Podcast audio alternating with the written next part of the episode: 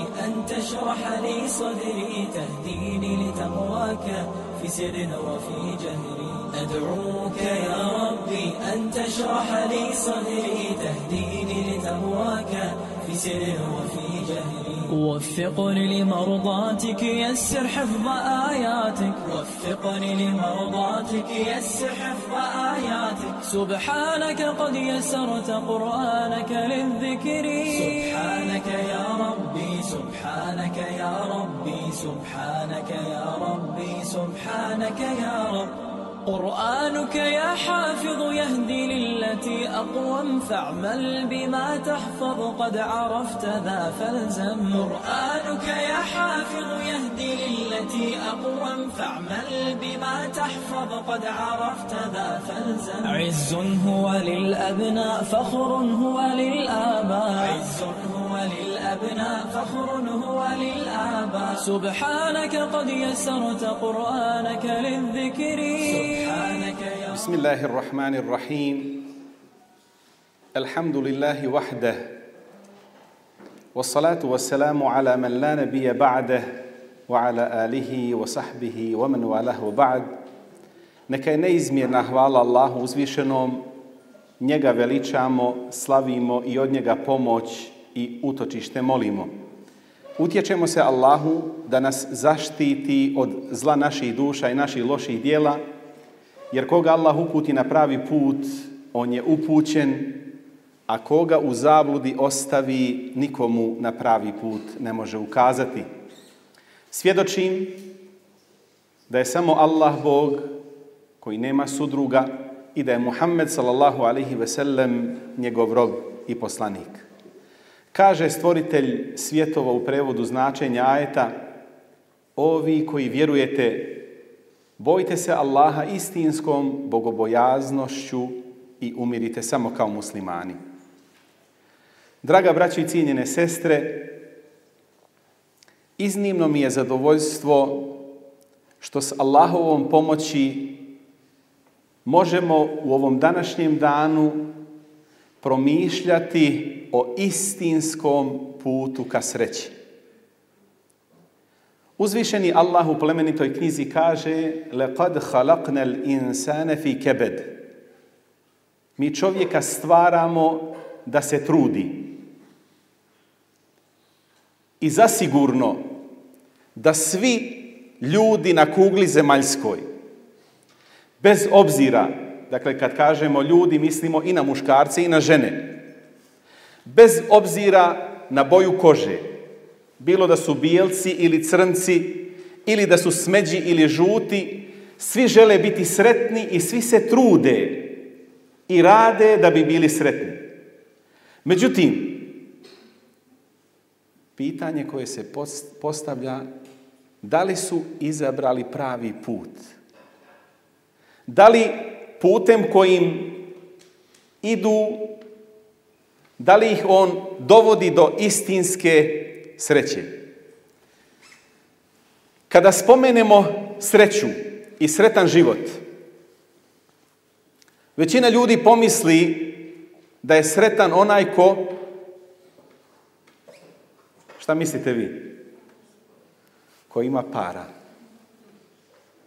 Većina ljudi misli da je imetak ili bogatstvo Nešto što će ih učiniti sretnim, zadovoljnim, uspješnim, da je to nešto što predstavlja za njih snagu na dunjaluku.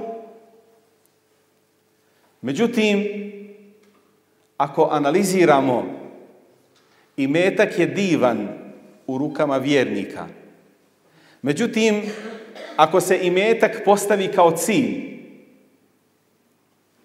onda će za mnoge predstavljati veliko opterećenje.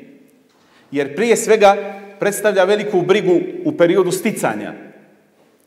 A kad osoba stekne veliki imetak, onda strahuje, boji se da ne dođe do promjene sistema koja može uzrokovati onda pad ekonomije i propast njegovog imetka. Koliko je onih koji su dok su imali manje sredstava u životu bili puno sretniji, puno zadovoljniji, puno aktivniji, puno u društvu prisutniji. A kada steknu i metak, stalno su zamišljeni. Vidite ih da su stalno pod određenom presijom, pritiskom ili kako danas kažu savremeno pod stresom. Stresnim životom žive jer stalno brinu da im neko ne otuđi ono što su oni stekli ili šta će biti sa tim imetkom. Kada je Ali radijallahu anhu upitan je li bolje imetak, imanje ili znanje, on je rekao da je znanje puno bolje, jer znanje tebe čuva, a imetak ti trebaš čuvati. Tako da je primjer koji nam Kur'an navodi kroz povijest da se prisjetimo ko je bio oličenje bogatstva ili da je imao puno imetka. Može li se neko sjetiti odmah?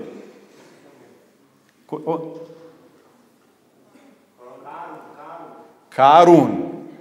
Kur'an nam govori o Karunu, a kod nas je bila ona uzrečica, kaže, ne bi ga spasilo ni Karunovo blago. Karun je imao toliko imetka da Kur'an govori ključeve od njegovih riznica nije mogao nositi jedan čovjek, nego je trebalo više ljudi koji bi nosili samo ključeve kojim su se otključavale te magaze u kojima je on imao svoj imetak. Međutim, da li je Karun bio Allahu zahvalan na tome? Nažalost nije. Je li Karun to zaradio zato što je svojom inteligencijom, svojom sposobnošću bio toliko vispren da u tom vremenu stekne toliko imetka? I danas svjetski poznate osobe kao izuzetno imućne, ne znači da su specijalno inteligentne i da su najinteligentnije, nego je imetak dar od Allaha. I Karun nije bio Allahu zahvalan. Karun se odmetnuo. I onda Allah kaže فَحَسَفْنَا بِهِ وَبِدَارِهِ الْأَرْضِ Pa je Allah dao da i on i taj njegov dvorac i svo blago koje je imao propadne u zemlju. Subhanallah, sad ga samo napominjemo kao loš primjer odnosa onoga što nijedan odgovoran musliman i muslimanka sebi ne bi trebali dozvoliti. Nego na svemu onome što nam Allah podari i od imetka, da budemo zahvalni i svjesni da je to dar od našeg stvoritelja. Međutim, jedan pjesnik je rekao nije sreća para puna vreća, nego neki se vole našaliti, nego dvije, kaže, vreće pune para. Šta je poslanik Alihi Salatu selam kazao? Kada bi čovjek imao dolinu zlata, poželio bi još jednu. I kada bi opet imao i dvije, poželio bi još jednu.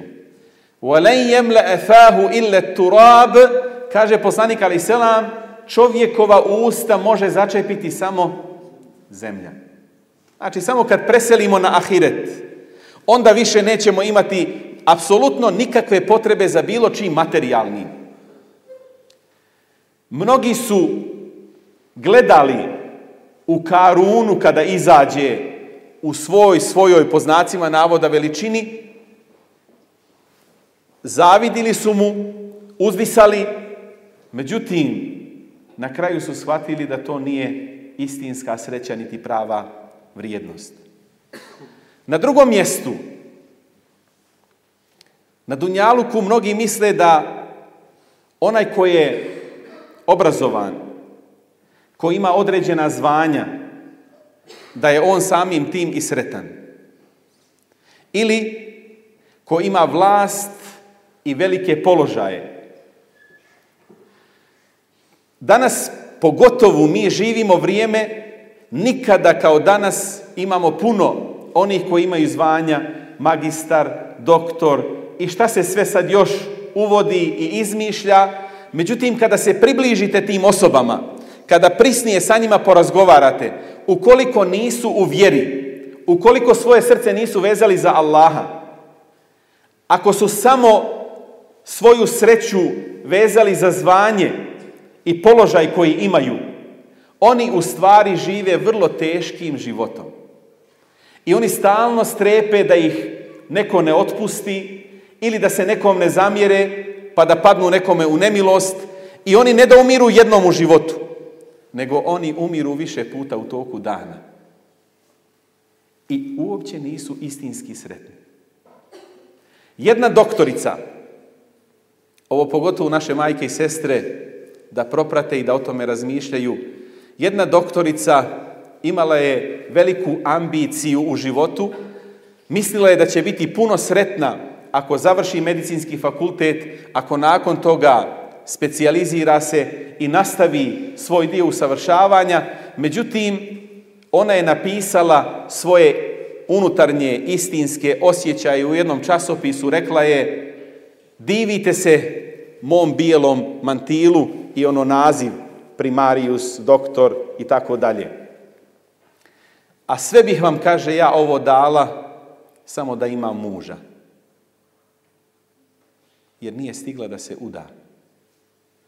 I sve bih, kaže, ja ovo dala, vi se meni divite, a ja sam danas za žaljenje. Sve bih ja ovo dala samo da imam dijete, ali ga ne mogu kupiti novcem. Subhanallah. Pogledajte, jedna doktorica, ja u travniku znam nekoliko njih, koje nisu stigle da se udaju. Ako vi imate u svojoj sredini, samo popričajte malo sa njima.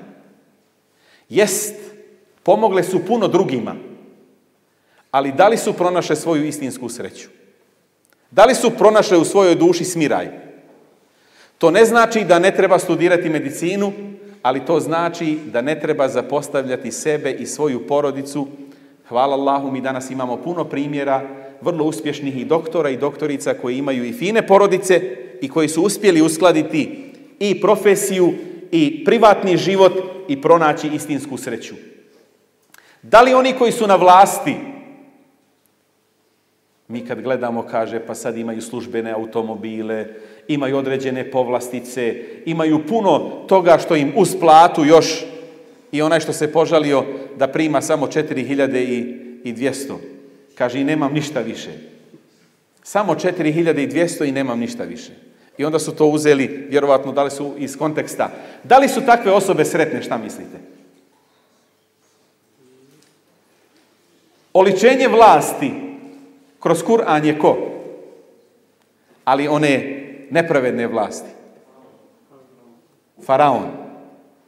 Kad je Faraon umislio sebi da je on vladar Egipta i onda je on pomislio i te rijeke koje teku Egiptom, pa zar nisam ja, on je rekao za sebe ne uzubila vaš uzvišeni Bog. Jer ja vladam vama i ove rijeke koje teku, sve to što vi opisujete da ima u Džernetu, evo ima, ima Mija ovdje. I onda se desilo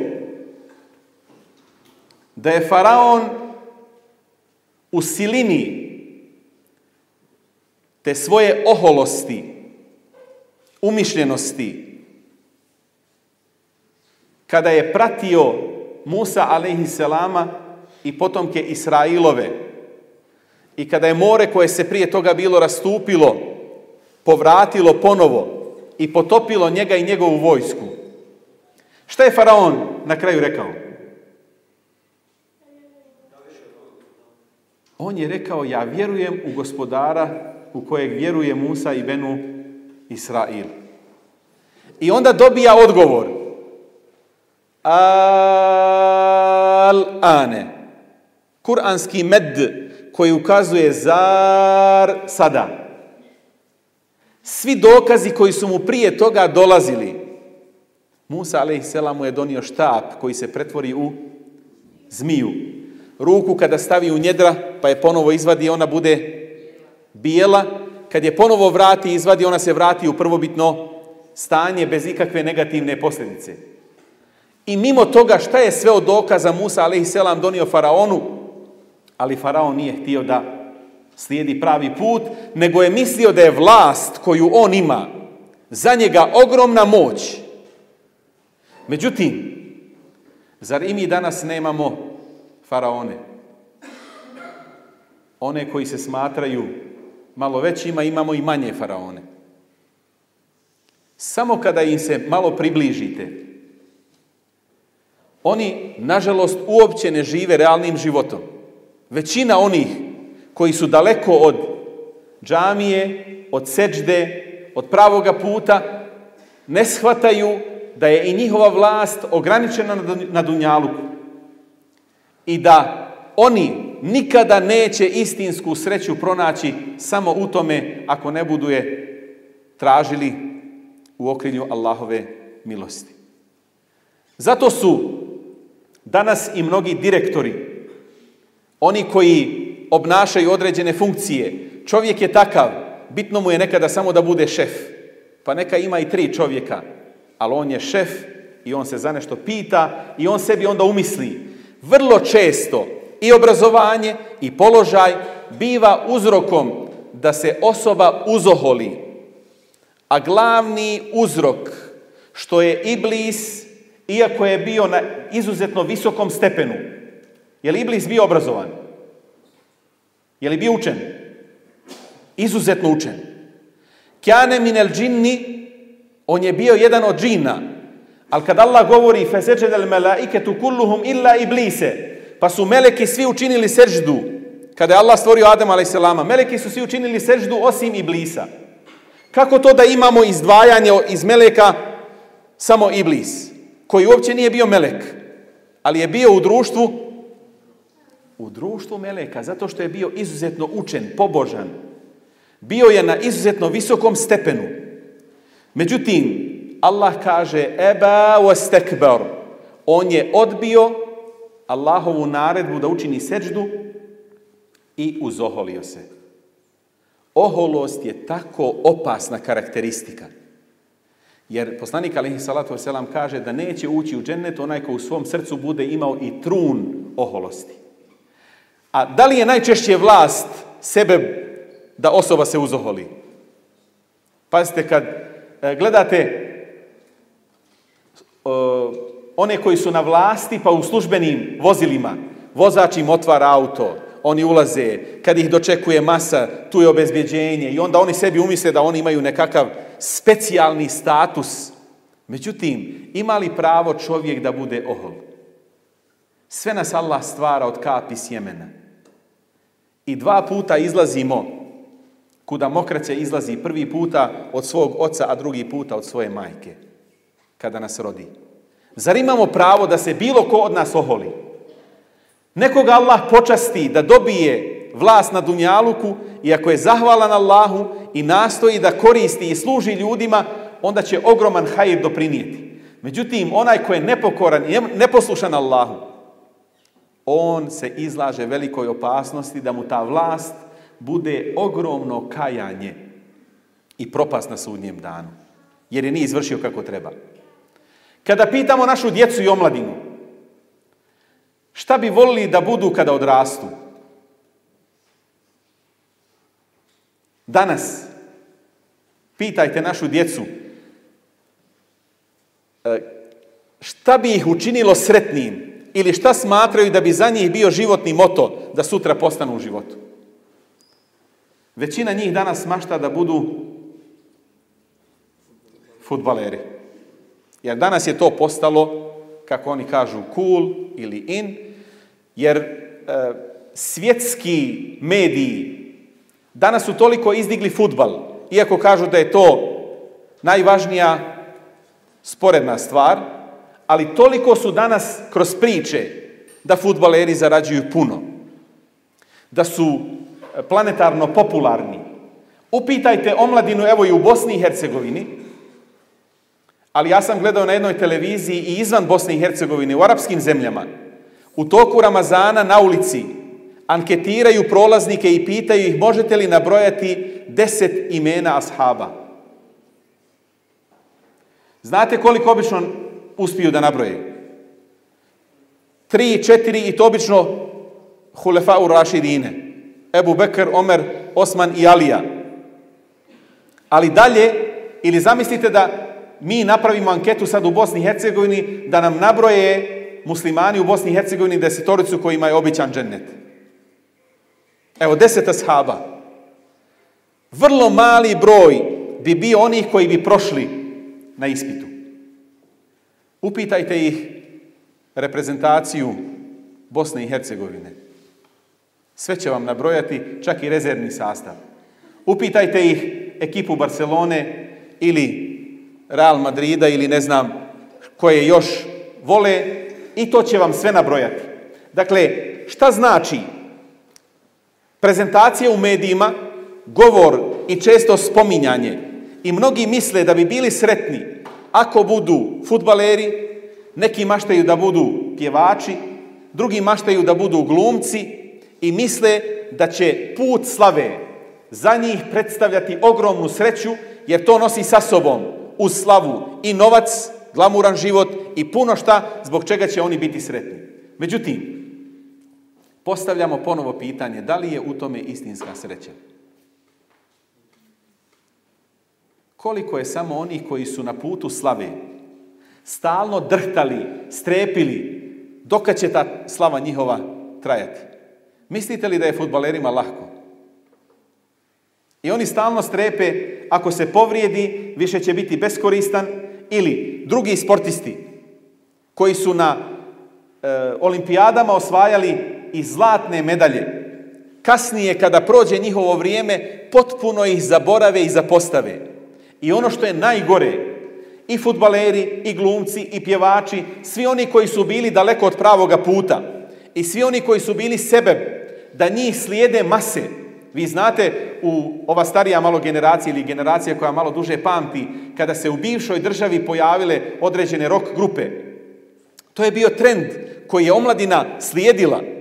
Uz to je onda išlo i cigarete, i alkohol, i prostitucija, i droga kasnije, i kriminal različitih vrsta. I ne samo da će čovjek koji je slijedio takve pjevače ili slične glumce sa sličnim ponašanjem ili futbalere, ne samo da će ih mrziti na kraju, nego će ih proklinjati zato što su bili sebebom da slijede njih misleći da će u tome pronaći sreću, a u stvari su bili žestoko i grozno razočarani. Većina tih ljudi i glumaca i završili su vrlo neslavno. Sami, bez igdje ikoga, u travniku je jedan u staračkom domu sam, bez igdje ikoga umro. Dakle, putanja na Dunjaluku nam pokazuje nikad nemojmo reći za nekoga da je uspješan ili da je sretan dok mu ne vidimo kraj. Dok ne vidimo kako je preselio na ahiret. Jer poslanik alejhi salatu selam kaže: "Men akhiru kalamihi min ad-dunya la ilaha illallah, dženne." Kome posljednje riječi na dunjaluku budu la ilaha illallah, ući će u džennet. Braće i sestre, da li je siromaštvo uzrok nesreći čovjeka ili bolest ili to što nemaju vlast ili slavu? Vjerovatno, evo, u ovom uvodnom prvom dijelu govorili smo o onim primjerima što nam najčešće padaju na um i što najveći dio ljudskog roda smatra putem ka sreći. Nije siromaštvo uzrok nesreći. Vjerujte, ja mislim da i puno nas ovdje ima koji se sjećaju perioda kada su imali manje imetka u svojim džepovima, ali koji, kada su bili puno sretniji nego kasnije kada budu iskušani i metkom. Istinska nesreća je zbog onoga o čemu nam Kur'an govori. I evo želim prenijeti šta je to što nam Kur'an kaže, a nakon toga da pređemo na usmjerenje šta je to prava i istinska sreća. Kaže uzvišeni, وَمَنْ أَعْرَضَ عَنْ ذِكْرِ A onaj ko lice svoje od knjige moje okrene, ko se okrene od Kur'ana, fe inne lehu išeten taj će teškim životom živjeti. Wa nahšuruhu jeumel qijameti a'ma. I na sudnjem danu ćemo ga slijepa oživjeti. Estakfirullah. Onaj ko se okrene od Kur'ana i ko na Dunjaluku živi životom koji je daleko od kuranske upute, i upute njegovog poslanika sallallahu alaihi wasallam. Taj će teškim i nesretnim životom živjeti. Zašto je većina našeg svijeta ovako nesretna? Je li zato što uče Kur'an i zato što se ponašaju u skladu sa kuranskim principima? Ili što, što žive suprotno?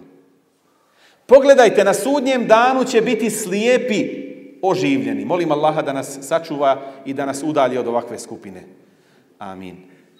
Pa će pitat se takav, kale rabbi, lime hašerteni a'ma wa kad kuntu besira, gospodaru moj, zašto si me slijepa oživio, a imao sam vid dok sam bio na Dunjaluku. Kale ke dhalike etetke ajatuna fenesiteha, pa će dobiti odgovor. Ovako su ti dolazili naši znakovi, pa si na njih zaboravio. Wa ke dhalike jeume tunsa, i tako ćeš i ti danas biti zaboravljen.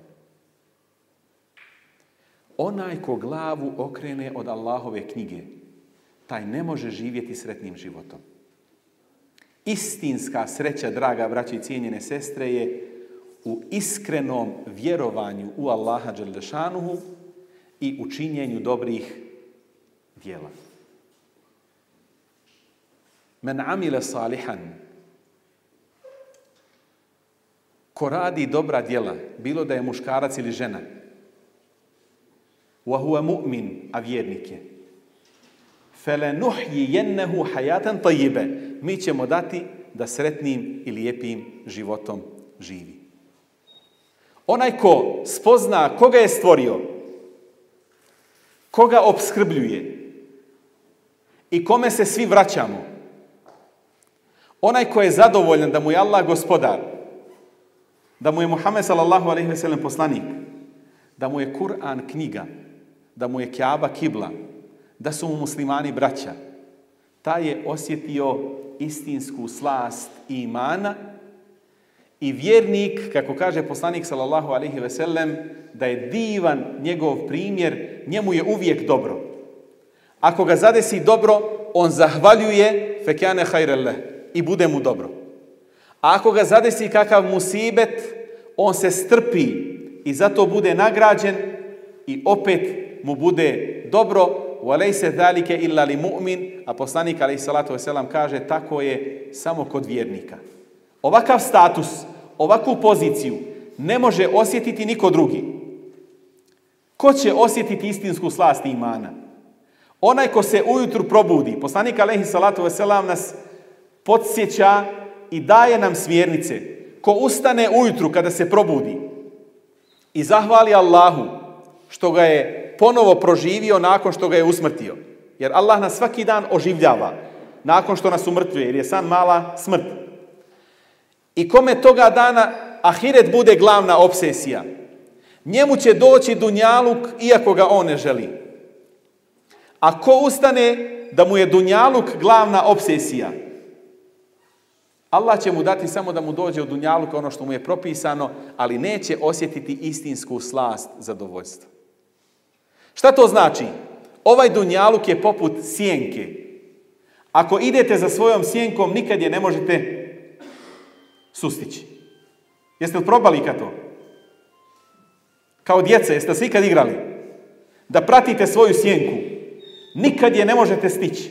Okrenite je samo leđa, koliko god da trčite, ona stalno ide za vama. Dakle, dunjaluk je poput sjenke. Ako idete za njim, nikad ga ne možete sustići. I nikad nećete biti sretni niti zadovoljni, jer uvijek će biti oni koji imaju više od vas. I šta god vi da postignete, najnoviji sad telefon kupite, najnovije auto, za nekoliko dana već će izaći noviji. I vi opet nesretni, jer ima noviji od onog vašeg novog koje ste prije pet dana ili deset dana kupili. Poslanik alihi salatu kaže nemojte gledati one koji su iznad vas po pitanju Dunjaluka, nego gledajte one koji su ispod vas, jer ćete tako biti zahvalni Allahu na blagodatima. Jedan je tako bio tužan, međutim kada je došao u džamiju i vidio čovjeka koji skida proteze sa svojih nogu, nema niti jedne noge nego na protezama hoda. Do tada je, kaže, bio tužan, a onda sam rekao, hvala ti Allahu dragi, meni si podario zdrave noge. A vidi njega sa protezama i on je skinuo proteze i opet pada Allahu na seždu. Da tako gledamo na stvari, koliko bismo bili sretniji, zadovoljniji, koliko bismo bili u onome što imamo, rahatniji, jer čovjek je takav kao biće. Ako samo ne usmjeri svoj pogled i razmišljanje ispravno, šeitan, Allah ga prokleo, uvijek će ga odvoditi da nam se čini da ima neko koji ima više od nas, da je na boljoj poziciji, a da mi zaslužujemo isto ili, ili više. Ko je pronašao istinsku sreću? Evo sada ćemo kroz nekoliko primjera to da analiziramo i da vidimo blisko. Svi ste čuli za Junusa alaihi selam. Šta se desilo Junusu? Poznat je po tome što ga je progutala riba. Nakon što je izgubio sabur, pozivao svoj narod godinama, međutim nisu htjeli da ga slušaju i kada je osjetio da im predstoji kazna, ali bez dozvole Allahove on je napustio svoj narod. I kada ga je progutala riba, opet on nije izgubio nadu Allaha, nego je zavapio kada je bio u trim tminama, u tmini mora, u tmini noći i u tmini utrobe ribe, on je rekao La ilaha illa ante subhanek inni kuntu mina zalimin. Nema Boga osim tebe, hvaljen neka si, ja sam sebi nepravdu učinio. Yunus a.s. je priznao svoju grešku. Ali, kako interesantno, kaže, meleki su čuli poznat glas iz nepoznate sredine. Poznat glas iz nepoznate sredine. Jer nikada do tada nisu čuli iz dubine mora da Junus a.s. slavi Allaha. I onda Kur'an kaže, a da nije bio od onih koji su hvalili i slavili Allaha, ostao bi u utrobi ribe ila u ba'thun do dana proživljenja. Nego ga Allah spašava. I tako za nas bezizlazna situacija, je tako? gledano našim očima, da neko dopre utrobu ribe, a da živ iz nje izađe, nema šanse. Međutim, Allah je spasio Yunus a.s. i dao mu istinsku sreću time što je bio iskren vjernik i pazite, to je jedini narod kojeg Allah, iako je bio zaslužio kaznu, nije, nije kaznio i Yunus a.s. se ponovo vraća svom, svom narodu. Ko je osjetio još istinsku sreću, ali da je istinski doživio? Malo prije smo spominjali. Musa selam, Kada je došao do mora, šta se dogodilo? Čuje iza sebe faraona i njegovu vojsku. Šta mislite za nas? Da li bismo mi imali nadu u takvoj situaciji da će doći izlaz? Musa, selam tada kaže inne me'ije rabbi se jehdin. Uz mene je moj gospodar, on će me uputiti. I onda dobija naredbu da udari štapom po moru i more se rastupilo. Nikada prije i nikada poslije toga. Vidite, i Musa a.s. je pronašao istinsku sreću u tome što je za gospodara imao uzvišenog Allaha kada je Muhammed sallallahu alihi veselem sa Ebu Bekrom sklonio se u pećinu Hira, čuju topot i korake mušrika koji tragaju za njima. I šta su oni rekli? Koga dovede živog ili mrtvog, ima nagradu stotinu deva. A Ebu Bekr drhti. Jer Ebu Bekr, je li bio iskren vjernik? Subhanallah, toliko iskren da na jedno tasu vage njegov iman prevagnuo bi, a na drugom tasu iman svih muslimana. Međutim, Ebu Bekr se boji za budućnost misije Islama. I šta mu kaže poslanik sallallahu alaihi ve sellem? Kur'an nam o tom događaju govori, kaže mu, la tahzen, Inna Allahe ma'ana. Ne boj se. Allah je s nama. Nemoj tugovati. Braće i sestre, u ovom danu u kome smo se mi danas okupili, baš bi bilo interesantno propitati malo sve nas, da imamo vremena, da li mi osjećamo istinsku sreću. Jesmo li sretni? Jesmo li zadovoljni? Jesmo li zadovoljni svojim životom? Jesmo li zadovoljni svojom porodicom? Ono što niko od nas nije mogao izabrati jeste kada ćemo se roditi, gdje ćemo se roditi, ko će nam roditelji i rodbina biti, kako ćemo izgledati i kako ćemo ime imati. To niko od nas nije izabrao. Pogledajte rodili smo se tamo gdje nam je Allah odredio, izgled imamo koji nam je Allah dao, roditelje nam je Allah odredio, ime su nam roditelji ili neko od rodbine izabrali ili prijatelja. Dakle, ono što mi slobodnom voljom biramo jeste ko će nam biti prisni prijatelji i kakvim načinom života ćemo živjeti. To je naša sloboda izbora. Mi svojom slobodnom voljom biramo Ko će nam biti prisan prijatelj? Ko će nam biti bračni drug? Tu imamo slobodu izbora.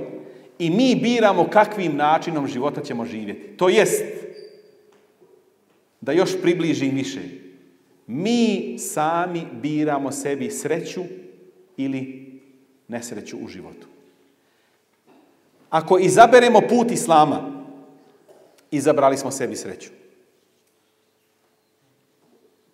Onaj ko ustane ujutru da obavi sabah namaz, može li tu sreću ispričati kako se osjeća onome koji nikad nije ustao da klanja sabah namaz? Ja sam na hađu imao jednog hađiju. Prvi moj hađ 1991. godine kao student. I na mini mi se izgubi čovjek za kojeg sam najmanje očekivao da će se izgubiti. Prvi dan ne vraća se čovjek, kao da je u zemlju propao. Drugi dan još ga nema. Treći dan sa Ikindije se vraćamo, nalazim ja hađiju tog u ihramima koji su sad više nekakve tamne boje nego što su bijeli. Sav je on preplanuo. Kažem ja njemu, dragi hađija, šta je bilo s tobom? Kaže on meni, jesi se ikada gubio u životu? Rekao, nisam. Onda ti kaže, nemam šta pričati. Jer me nikada nećeš shvatiti. I to je tako dobro. Dakle, onaj ko nije doživio nešto, ne može to shvatiti na ispravan način istinski. Tako da ljepotu noćnog ibadeta, ljepotu sabah namaza, kada ustanemo ujutru, kako kaže poslanik sallallahu alaihi ve efšu selam, širite selam. Wa ata'imu ta'am i udjeljujte hranu, nahranite druge. Wasilul arham, održavajte rodbinske veze. sallu bil lejli van nasu nijam, klanjajte noću dok ljudi spavaju, dok drugi spavaju. hulune l džennete bis selam, ući ćete u džennet spašeni sa selamom. Subhanallah. Ovu ljepotu dakle svega pobrojanog što je poslanik Alehi salatu Selam nabrojao, može doživiti i pričati samo onaj ko to istinski u svom životu slijedi. Dvojica mladića su se susreli ujutru. Jedan što je čitavu noć i badetio, čitavu noć odlučio da bude na noćnom namazu, da Allaha veliča, da mu zahvaljuje, da razmišlja o životu na Dunjaluku i onome što ga čeka poslije toga, i susretne drugog mladića koji je čitavu noć proveo u kafani. I čitavu noć bio tamo gdje ne treba. Ovaj mladić što je bio u Ibadetu, kad je vidio ovog drugog, kaže, hvala Bogu da ima još neko mimo mene koje čitavu noć Ibadetio. A ovaj iz kafane kad ga je vidio, hvala Bogu, kaže nisam ja jedini, evo ima i ovaj, čitavu noć u kafani bio. Jer svak sudi po sebi. Dakle, svak misli da je ona druga strana poput njega, kakav je on bio. Dakle, mi ako želimo da osjetimo istinsku sreću, ustajmo noću kad svi spavaju, uzmimo abdest i klanjajmo dva rekata noćnog namaza, jer poslanik s.a.v. kaže da su nakon farza, da je nakon farza najbolji namaz noćni namaz. I da postavimo jedan kratak test ili kratko pitanje vama. Šta mislite, ko je od nas ovdje u ovoj sali najimućniji danas? Ko je najbogatiji? Ne znamo se mi svi dobro, jel' da? Najbogatiji od nas u ovoj sali je onaj koji je jutro sklanjao sabah namaz u džematu. Jer poslanik sallallahu alejhi sallam kaže, pazite ko hoće stvarno da bude sretan u bogatstvu ogromnom, neprocjenjivo. Poslanik sallallahu alejhi sallam kaže dva rekata, reka'ata el-fajri hajrum mine fiha. Dva rekata sabahskog sunneta vrednija su od dunjaluka i svega što je na njemu. A možete misliti kolika je onda tek vrijednost farza. I to još u džematu. Daleko, daleko, daleko više nego što je dunjaluk i sve što je na njemu. Ko hoće sutra istinski da bude imućan, bogat, sretan, zadovoljan, uspješan, nemoj slučajno da se dogodi kada dođe vrijeme sabaha, a da ostane u postelji neka se abdesti, neka ustane i neka ima ove misli u svojoj glavi. Jer džaba svo bogatstvo dunjalu kako je čovjek ima. Jedan imućni čovjek je doživio saobraćajnu nesreću, nakon koje je ostao potpuno paralizovan. Mogao je samo očima treptat i mogao je govoriti. Znate što je rekao? Sve bogatstvo koje imam dao bih samo da se mogu rukom počešati po leđima. Subhanallah. Mi uopšte ne razmišljamo kad smo zdravi. Šta nam znači počešati se ako te negdje zasvrbi? To smatraš običnom kretnjom. Međutim, pogledajte, on bi osjetio ogromnu sreću i svo bogatstvo koje ima dao bi samo da može svojom rukom dotaknuti svoja leđa. Braćo i sestre, samo za trenutak jedan zatvorite oči. Zatvorite oči svi. U ovom trenutku, zatvorite molim vas samo pola minute. U ovom trenutku pomislite šta ne daj Bože da više nakon ovog trenutka ne možete progledati. Otvorite sada oči. Šta bismo dali, ne daj Bože da danas oslijepimo i da ne možemo više svojim očima gledati Dunjaluk. Šta bismo dali da nam ponovo Allah vrati vid? Da li bismo dali sve što imamo? Bez imalo razmišljanja. Sve što imamo bismo dali. U jednoj predaji se navodi da čovjek kome Allah dao i hranu, i mjesto, i vodu, i mjesto za stanovanje, čitav život je i badetio, dolazi pred gospodara i kaže, Allah naređuje melekima da ga uvedu u džennet Allahom, milošću, on kaže ne gospodare, ja hoću džene svojim dijelima. Jer čitav život je samo i Opet Allah naređuje melekima da ga uvedu u džennet milošću, on odbija, kaže ne, ja hoću svojim dijelima.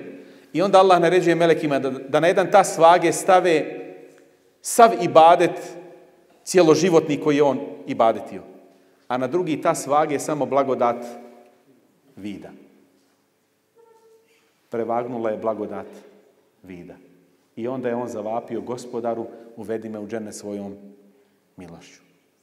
Braće i sestre, da čitav život Allahu budemo u ibadetu, ne možemo se odužiti na blagodatima koje nam je podario. A posebno na blagodati vida. Ako shvatimo da sve što imamo je dar od Allaha, i zato ćemo za kraj kazati ono što je poslanik sallallahu alejhi ve istakao kod koga budu tri osobine thalathun man kunna fihi vođede bihinne halavatel iman kod koga se nađu tri svojstva on će osjetiti istinsku slast imana i ta će biti istinski sretan na prvom mjestu en kuna Allahu wa rasuluhu ahabba ilaihi mimma siwahuma da budu Allah i njegov poslanik draži mu od svega drugoga Kada vam je neko najdraži, kako se onda mi ponašamo prema onome ko nam je najdraži? O njemu najviše mislimo, njega najviše spominjemo i nastojimo uraditi sve ono što on voli, a ostaviti ono što on ne voli. Jel se tako ponašamo i mi u dunjaluškim ljubavima? Kad nekoga puno volite, često ga spominjete, i nastojite uraditi sve ono što on voli, a ostaviti ono što on ne voli. Ako su nam najdraži Allah i njegov poslanik, sallallahu alaihi wasallam, onda bismo svakodnevno trebali učiti Kur'an, svakodnevno čitati hadise poslanika, sallallahu alihi wasallam, i svakodnevno živjeti Kur'an i sunnet. I tu ćemo pronaći istinsku slast sreće i zadovoljstvo koje se ne može kupiti novcem. Ona doktorica je volila da ima dijete ali ga ne može kupiti novcem. Sreća se ne može kupiti. Sreća se ne može oteti. Ali za sreću se treba boriti. Na drugom mjestu kaže poslanik sallallahu alejhi ve "En mara la yuhibbuhu illa lillah." Da će istinsku slast vjerovanja osjetiti onaj ko bude drugoga volio radi Allaha. U ime Allaha, zato što taj voli Allaha i njegova poslanika alejhi selam i zato što slijedi pravi put. Ako nam ljubav bude istinski u ime Allaha i da želimo svakome hajr i da se trudimo da svakome učinimo hajr, onda je to istinska sreća. Međutim, danas većina ljudi ne samo da ne tragaju kako da učine drugima dobro, nego tragaju za tuđim mahanama i nastoje da otkriju. Jer mi danas se sladimo ako saznamo da neko ima neku sramotu ili nešto što je ružno i da onda to se širi što više da se zna za nekoga da je nešto kako ne treba uraditi. Naša je obaveza, naša je misija da širimo ljubav i da volimo u ime Allaha. To je jedina ispravna i istinska ljubav. I na trećem mjestu osjetit će istinsku slast vjerovanja onaj ko mrzi da se vrati u nevjerovanje nakon što ga je Allah spasio od njega kao što mrzi da bude bačen u vatru. Da li ste ikad se testirali kad se svijeća malena upali? Da držimo ruku iznad svijeće. Možemo li dugo držati? Onaj ko je testirao zna. Onaj ko nije preporučujem. Iznad svijeće ili iznad upaljača. Probajte sasvim malo. Koliko možete izdržati da vaša ruka bude iznad plamena. I vidjet ćete da su to vrlo kratki, e, vrlo kratki periodi. A dunjalučka vatra sprem džehennemske je ništa. Od 70 dijelova samo jedan dio je na dunjalu, a ostalo je ostavljeno za džehennem. Da nas Allah zaštiti od džehennemske vatre. Zato je važno, pogledajte, da mrzimo povratak u nevjerovanje, povratak u ono što je negativno, što je daleko od pravoga puta, kao što mrzimo da budemo bačeni u vatru, jer na Dunjaluku ne možemo se strpiti i kratko biti u vatri, ili kratko trpiti vatru, a kamoli ne daj Bože vječnost u vatri. Zato, braćo i sestre, na kraju svako od nas treba da ponese sa sobom misao. Dakle, mi biramo svojom slobodnom voljom sebi sreću ili nesreću. Nikoga ne možemo optuživati jer nama je Allah dao slobodu izbora. Kakvim životom ćemo živjeti, ko će nam prisni i bliski prijatelji biti i poslanik Ali selam je rekao čovjek će na ahiretu biti sa onim koga je volio na dunjalku. Onaj ko bude najviše volio futbalere, glumce, pjevače, one koji žive daleko od pravoga puta, on će biti sa njima na budućem svijetu. A onaj ko bude volio hafize Kur'ana, onaj ko bude volio one koji redovno obavljaju namaz, koji uče Kur'an, koji poste Ramazan, koji daju zekat, koji slušaju svoje roditelje, čine dobročinstvo roditeljima i rodbini, koji poštuju komšijski hak, koji se lijepo ponašaju, on će sa njima biti i na ahiretu. Zato molim Allaha da u naša srca ulije iskreno vjerovanje, da nam Allah i njegov poslanik, alihi salatu selam budu draži od svega drugoga. Da volimo druge u ime Allaha, da se trudimo maksimalno, da iskreno vjerujući, činjeći dobra djela, pravimo ambijent i društvo da i sa nama na Dunjaluku bude što više takvih osoba i da osjetimo istinsku slast i imana u onome u čemu je Allahovo zadovoljstvo i da se potrudimo da na taj način živimo sretnim životom na Dunjaluku, a da posebnu sreću doživimo na ahiretu kada ćemo susresti svoga gospodara i obradovati se dobrim dijelima koja smo činili iskreno u njegovo ime. Amin. Molim Allaha da i sve vas nagradi svakim hajrom za E, pažljivo slušanje i da sve ovo što smo danas podijelili, da Allah da u njemu hajr i bereket i da se u dobru, inša Allah, susrećemo, a molim Allaha da se svima nama smiluje i da nas nastane u dženeti Firdeus na sudnjem danu. Amin. Salamu alaikum wa rahmatullahi ta'ala wa barakatuh.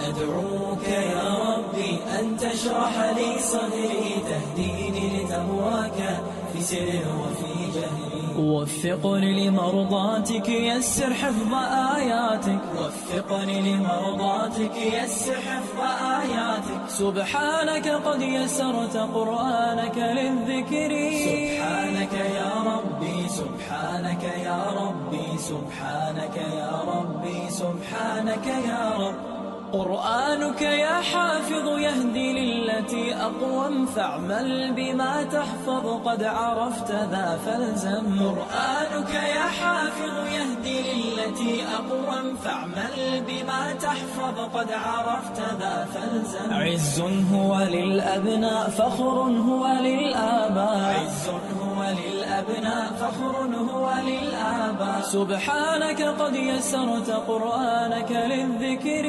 سبحانك يا